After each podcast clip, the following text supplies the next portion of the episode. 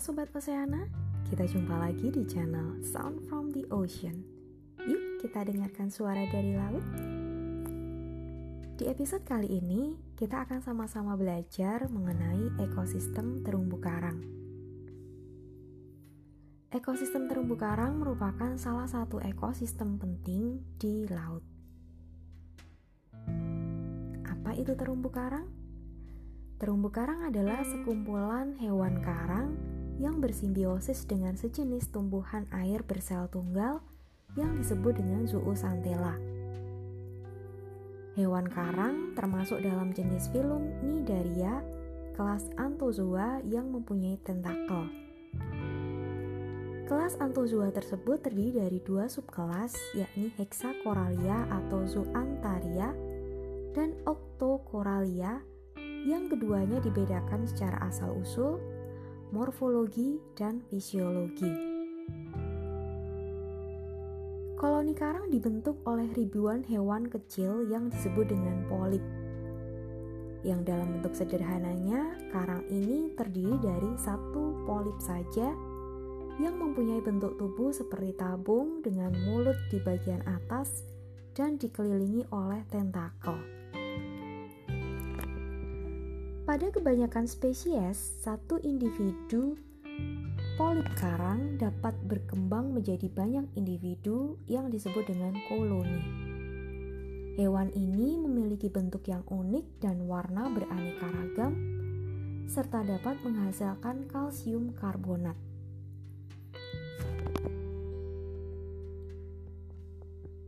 Karang dan zooxanthella membentuk semacam simbiosis mutualisme di mana zooxanthella mendapatkan perlindungan dari karang dan menggunakan beberapa hasil sampingan metabolisme karang yang berupa karbon dioksida, amonia, nitrat, dan fosfat sebagai bahan makanan.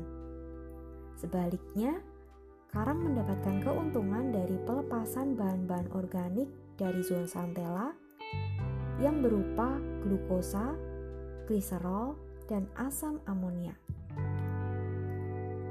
Jenis karang mani Cina dapat mengendapkan zat kapur atau kalsium dalam kerangkanya 16 kali lebih cepat apabila zooxanthella terdapat dalam jaringan tubuhnya. Sedangkan jenis karang acropora dapat mengendapkan kalsium dalam kerangkanya sekitar 10 sampai 13 kali lebih cepat di tempat yang terang daripada tempat yang gelap. Hal ini dikarenakan zooxanthella yang bersimbiosis dengan karang membutuhkan cahaya matahari untuk melangsungkan fotosintesis. Nah, ada banyak sekali jenis-jenis terumbu karang. Yang pertama dibedakan berdasarkan letak. Beberapa jenis terumbu karang berdasarkan letaknya. Yang pertama yaitu terumbu karang tepi atau fringing reefs. Terumbu karang tepi atau karang penerus mayoritas tumbuh di pesisir pantai dari pulau-pulau besar. Perkembangannya bisa mencapai kedalaman 40 meter dengan pertumbuhan ke atas dan ke arah luar menuju laut lepas.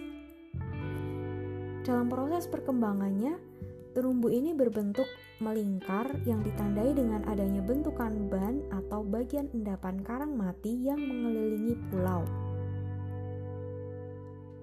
Pada pantai yang curam, pertumbuhan terumbu jelas mengarah secara vertikal.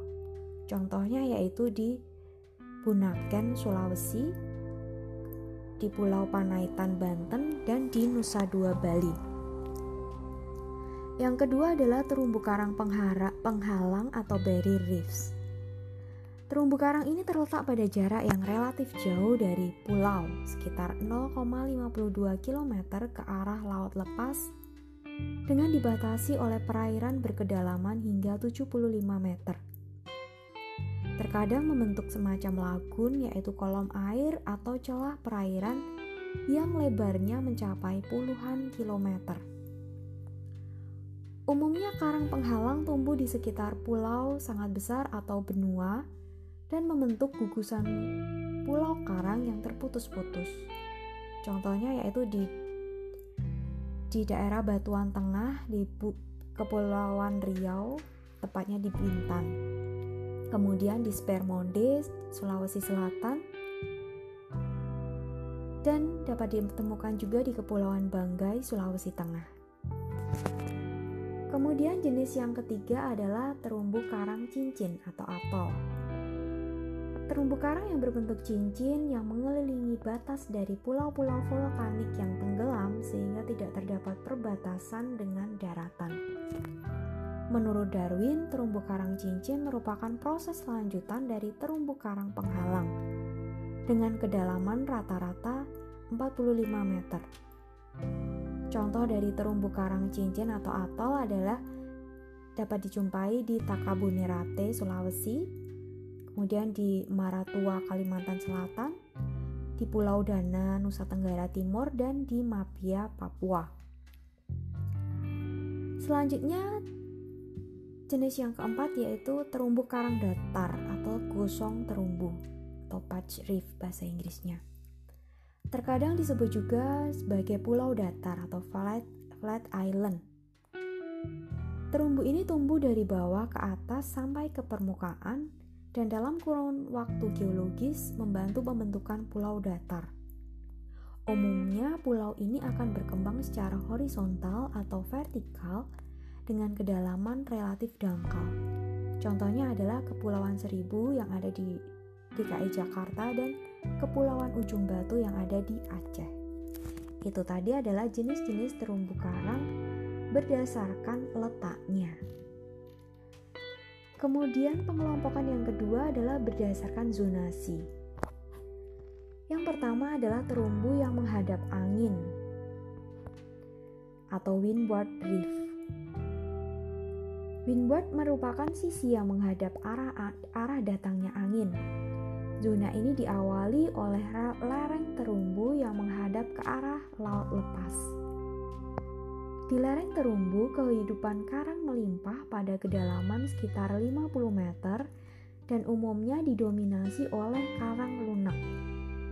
Namun, pada kedalaman sekitar 15 meter, sering terdapat teras terumbu yang mempunyai kelimpahan karang keras yang cukup tinggi dan tumbuh dengan subur. Mengarah ke dataran pulau atau gosong terumbu di bagian atas teras terumbu terdapat penutupan alga koralin yang cukup luas di punggungan Bukit Terumbu, tempat di mana pengaruh gelombang itu sangat kuat. Daerah ini juga sering disebut sebagai pematang alga. Zona windward diakhiri oleh rataan terumbu yang sangat dangkal. Kemudian jenis yang kedua yaitu terumbu yang membelakangi angin atau disebut dengan leeward drift merupakan sisi yang membelakangi arah datangnya angin. Zona ini umumnya memiliki hamparan terumbu karang yang lebih sempit daripada windward drift dan mempunyai bentangan goba atau lagun yang cukup lebar. Kedalaman goba biasanya kurang dari 50 meter. Namun kondisinya kurang ideal untuk pertumbuhan karang karena masih faktor gelombang dan sirkulasi air yang lemah serta sedimentasi yang cukup tinggi. Kemudian pengelompokan kara, terumbu karang yang ketiga adalah berdasarkan kemampuan memproduksi kapur. Jenis terumbu karang berdasarkan kemampuan memproduksi kapur yang pertama adalah karang hermatipik. Karang hermatipik adalah karang yang dapat membentuk bangunan karang yang dikenal menghasilkan terumbu dan penyebarannya hanya ditemukan di daerah tropis. Karang hermatipik mempunyai sifat yang unik yaitu perpaduan antara sifat hewan dan tumbuhan sehingga arah pertumbuhannya selalu bersifat fototeopik positif. Umumnya jenis karang ini hidup di perairan pantai atau laut yang cukup dangkal di mana penetrasi cahaya matahari masih sampai ke dasar perairan tersebut. Yang kedua adalah karang ahermatipik.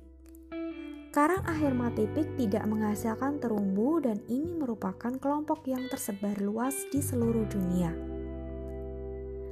Perbedaan utama karang hermatipik dan ahermatipik adalah adanya simbiosis mutualisme antara karang hermatipik dengan zooxanthella. Yang terdapat di jaringan-jaringan polip binatang karang dan melakukan fotosintesis.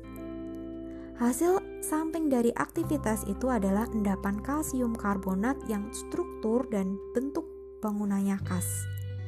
Ciri ini akhirnya digunakan untuk menentukan jenis atau spesies binatang karang. Pengelompokan selanjutnya adalah berdasarkan bentuk dan tempat tumbuh. Jenis terumbu karang berdasarkan bentuk dan tempat tumbuh antara lain yang pertama yaitu terumbu atau reef. Terumbu adalah endapan batuan kapur yang berbentuk seperti punggung laut yang menjadi salah satu pembentuk ekosistem pesisir. Konstruksi batu kapur biogenis menjadi struktur dasar utama suatu ekosistem pesisir. Dalam dunia navigasi laut, terumbu adalah punggungan laut yang terbentuk oleh batuan kapur di lautan yang dangkal. Kemudian jenis yang kedua adalah karang atau koral. Karang adalah biota laut yang mempunyai peran dalam pembentukan terumbu. Bentuk karang beruas-ruas seperti bambu. Dalam proses pembentukan terumbu karang, terumbu kar karang batu atau Scleractenia merupakan penyusun yang paling penting atau hewan karang pembangun terumbu. Karena mampu mengsekresi kalsium karbonat. Jenis yang ketiga adalah karang terumbu. Karang terumbu adalah karang lunak yang tidak menghasilkan kapur. Karang terumbu banyak dijumpai di pesisir pantai. Kemudian jenis yang terakhir adalah terumbu karang. Ini merupakan ekosistem dasar laut tropis yang dibangun oleh biota laut penghasil kapur khususnya jenis karang batu dan alga berkapur. Bersama-sama dengan biota yang hidup di dasar lainnya seperti moluska, krustase, echinodermata, polychaete, porifera, tunicata, dan jenis biota lain yang hidup bebas di perairan sekitarnya, termasuk jenis plankton dan juga nekton.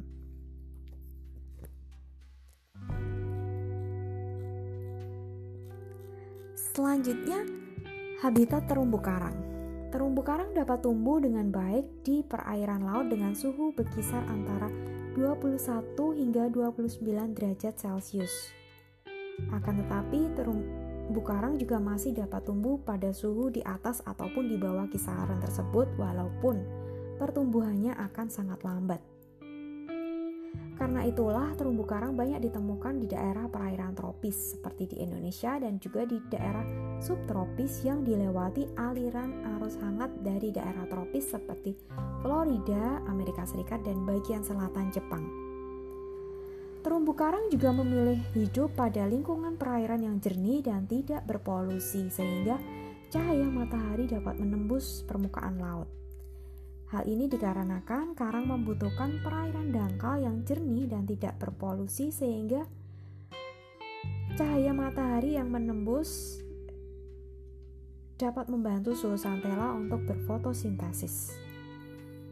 Pertumbuhan karang pembentuk terumbu pada kedalaman 18 hingga 29 meter sangat lambat tetapi masih dapat ditemukan hingga kedalaman lebih dari 90 meter. Beberapa jenis terumbu karang tersebut tidak bersimbiosis dengan zooxanthella sehingga tidak membentuk terumbu karang. Karang memerlukan salinitas yang tinggi untuk tumbuh. Oleh karena itu, di sekitar mulut sungai atau pantai atau di sekitar pemukiman penduduk, karang akan tumbuh lambat karena salinitasnya kurang sesuai untuk tumbuh.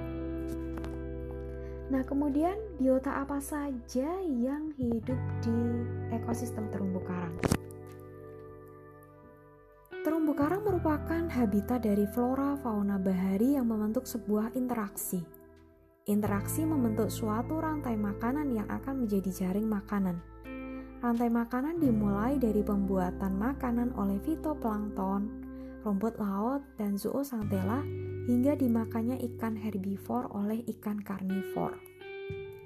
Flora yang terdapat di ekosistem ini meliputi fitoplankton, rumput laut, alga, yang seluruhnya bersifat autotrof, yaitu dapat membuat makanannya sendiri.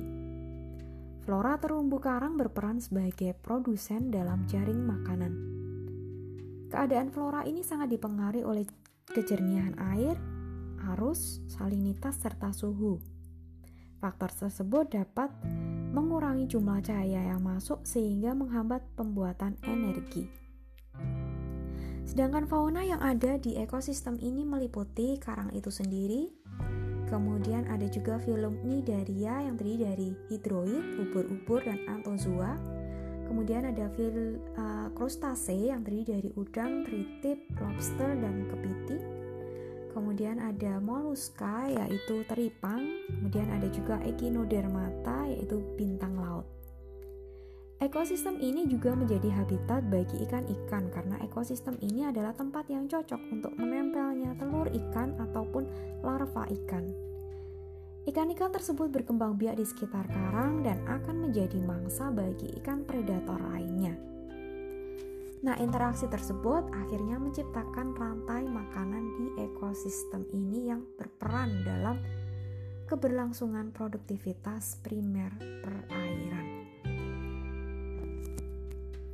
Nah, untuk episode selanjutnya kita akan membahas mengenai sebaran terumbu karang baik di Indonesia maupun di dunia. Oke Sobat Oceana, tetap stay tune di channel Sound from the Ocean. Salam kelautan, Charles Reva Jayamahe.